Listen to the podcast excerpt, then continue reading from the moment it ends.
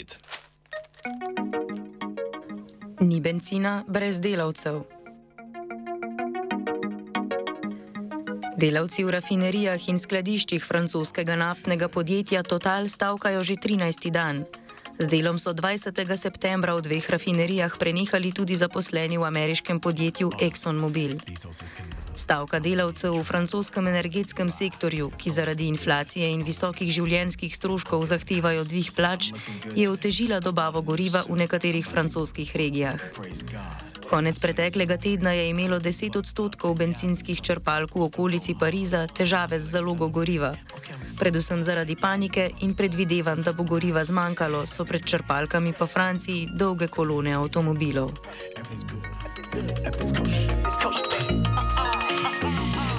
Stavka delavcev je onemogočila 60 odstotkov rafinerijske dejavnosti v Franciji in s tem prisilila državo, da poseže v svoje zaloge. Povečal pa se je tudi uvoz naftnih derivatov, predvsem iz Belgije. Rafael Prust, novinar časopisa L'Opinion, pojasnjuje, da so se posledice stavke začele čutiti pred enim tednom. The, the gasoline shortage really started like uh, a week ago. It's not um, all over the country. There are some regions that are more impacted than others, especially the northern France and the capital region around Paris.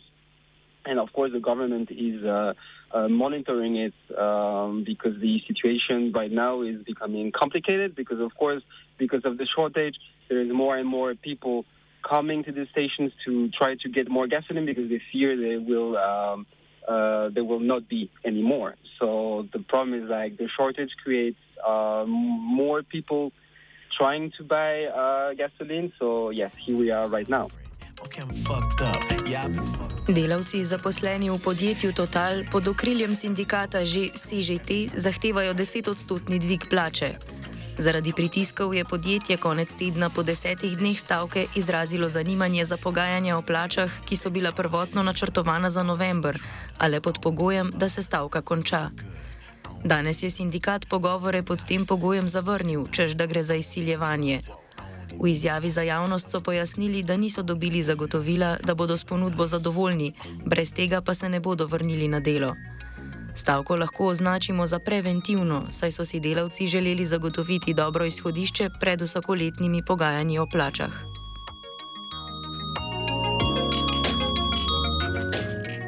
Total je imel med aprilom in junijem skoraj 6 milijard evrov čistega dobička zaradi visokih cen energije. Lani v enakem obdobju je bil dobiček podjetja za več kot polovico nižji. Medtem ko sindikat CŽT ustraja pri svojih zahtevah do podjetja, ki mastno služi, predstavniki nekaterih drugih sindikatov, kot je CFDT, pozivajo delavce naj stavko zaključijo. Novinar Euraktiva Paul Mesad opisuje, kakšno je stališče splošne javnosti.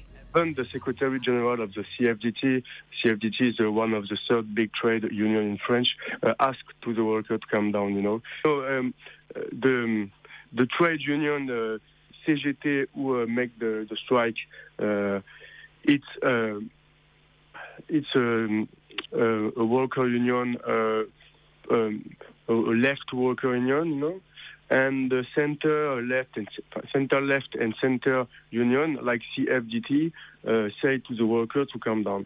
The French people are maybe on between the, the, the two the two um, worker union, you know, uh, because they don't want to go to uh, the um, fuel station and have to take uh, maybe one or two hours uh, to have just one lit- liter of, of oil, but on the on the other end, uh, they they know that the, the situation is complicated for the workers because the inflation is six or seven percent. Francoska vlada za zdaj obljublja, da je v državi na voljo dovolj goriva in da stavka bolj ali manj onemogoča zgolj prevoz od rafinerij do črpalk. Pogajanja med sindikati in podjetji vlada razume kot zadevo zasebnega prava, zato vanjo ne namerava posegati. Prust ob tem dodaja, da francoska zakonodaja vladi sicer omogoča rekvirirati benzin, kar pomeni, da ga zaradi nujnih potreb oduzame proizvajalcem. Well, the, the, the government says that this is a private conflict between the companies and the trade union, which it is. I mean, it's not up to the government to negotiate the workers' uh, wages and, and work conditions on behalf of the companies. But of course, the uh, gasoline being uh, something uh, very important it's of public interest, um, they are trying to pressure both parties to come to an agreement. Uh, also, I didn't mention it, but it, it is in the government power to requisition uh, gasoline if uh, if needed. There is a the, the, the, I mean it's the law allows it, but of course that's a very strong uh, act. So so far the government is trying not to uh, uh, come to this extreme, but it's a possibility if uh, the strike goes on. Prust predstavi stavko rafinerijskih delavcev v luči širšega družbenega dogajanja, ki ga zaznamuje inflacija. Konec septembra je več sindikatov iz različnih sektorjev pozvalo k splošni stavki, ki pa se ni zgodila. Uh, let's say that this strike, it's not the first time we have this kind of strikes in refineries in, in France. It happened, I think, there was a big one somewhere in 2000, 2010, 2011, I think. Let's say that generally this happens in the context of inflation. That's why the workers in these refineries are asking for a wage increase because uh, all over Europe and in France also, uh, prices are going up and purchasing power is going down because of inflation. Um, the government, in uh, I think it was in March or April, uh, gave a uh, 30 cents per liter tax cut on the gas that helped a little bit. Uh, but this tax cut is going to disappear in November. Uh, actually, this Sunday there is a big protest organized by uh, the four biggest uh, left-wing parties in France. Uh, it's actually a protest against against expensive um, against expensive life, against uh, increasing prices, also against climatic inaction, as they call it. Um, and it's also, it also happens um, a few weeks after the major trade unions in France uh, also demonstrated, uh, protested. Also, sorry, they demonstrated um, for uh, a general wage increase in the public sector, but also in the private sector. Um, so far, the government uh, hasn't given any um, explanation on what is going to do to try to solve this crisis. Right now, it's trying to, of course, put the pressure on uh, the companies so they can find an agreement very fast with the trade unions. Of course, from the right wing, also they are accusing the trade unions to uh, take the um, take people hostage because of this situation. But uh, as I said, uh, this strike happens in a larger context of uh, protest against uh, the cost of life. Pozivi sindikatov k splošni stavki torej niso bili uspešni. Namesto tega so v več mestih potekali maloštevilni protesti s splošnimi zahtevami po višjih plačah v javnem in zasebnem sektorju. Poleg delavcev v energetskem sektorju so sodelovali tudi zaposleni v šolstvu in transportu. Prust pojasni, zakaj sindikatom ni uspelo mobilizirati delavcev. There, there, there are several reasons. Uh, the, the first reason is that, uh, contrary to popular belief, uh, there are very, very few French workers who belong to a trade union, who are member of a union. This is uh, a very small minority of workers. I think that less than 10% French workers are member of a union. Um, so it's this kind of protest where most people who go there are member of a union and also they, um, they their action days are uh, in weekdays. Like uh, they protest and they march on Mondays and Thursdays, and most people uh, cannot afford to miss work. That's why, for instance, uh, the political parties who try to unite with the unions, but the unions don't want to uh, march with the political parties because of this whole debate about the unions being independent from political parties. But that's why the political parties they want to or they, they are going to organize a march on Sunday because uh, they know that this is when most people most working class people can uh, afford to take on the streets because this is uh, the day when uh, most people don't work.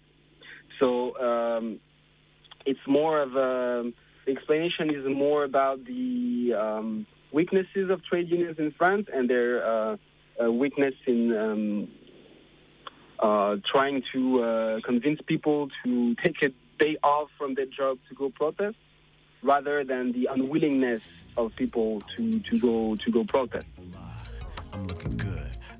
Protestniki so med drugim nasprotovali predlogu pokojninske reforme, v okviru katere bi se zvišal starostni prag za upokojitev z 62 na 65 let in ki jo predsednik Emmanuel Macron napoveduje od leta 2017, ko je bil prvič izvoljen. Izpeljava reforme je bila zaustavljena zaradi epidemije novega koronavirusa. Ponovno izvoljeni Macron pa jo zdaj želi sprejeti do začetka naslednjega leta. Um, when it comes to the pensions, uh, Emmanuel Macron, the president of France, tried to reform the pension system, but that was before the COVID crisis. So because of the COVID crisis, he had to suspend the reform.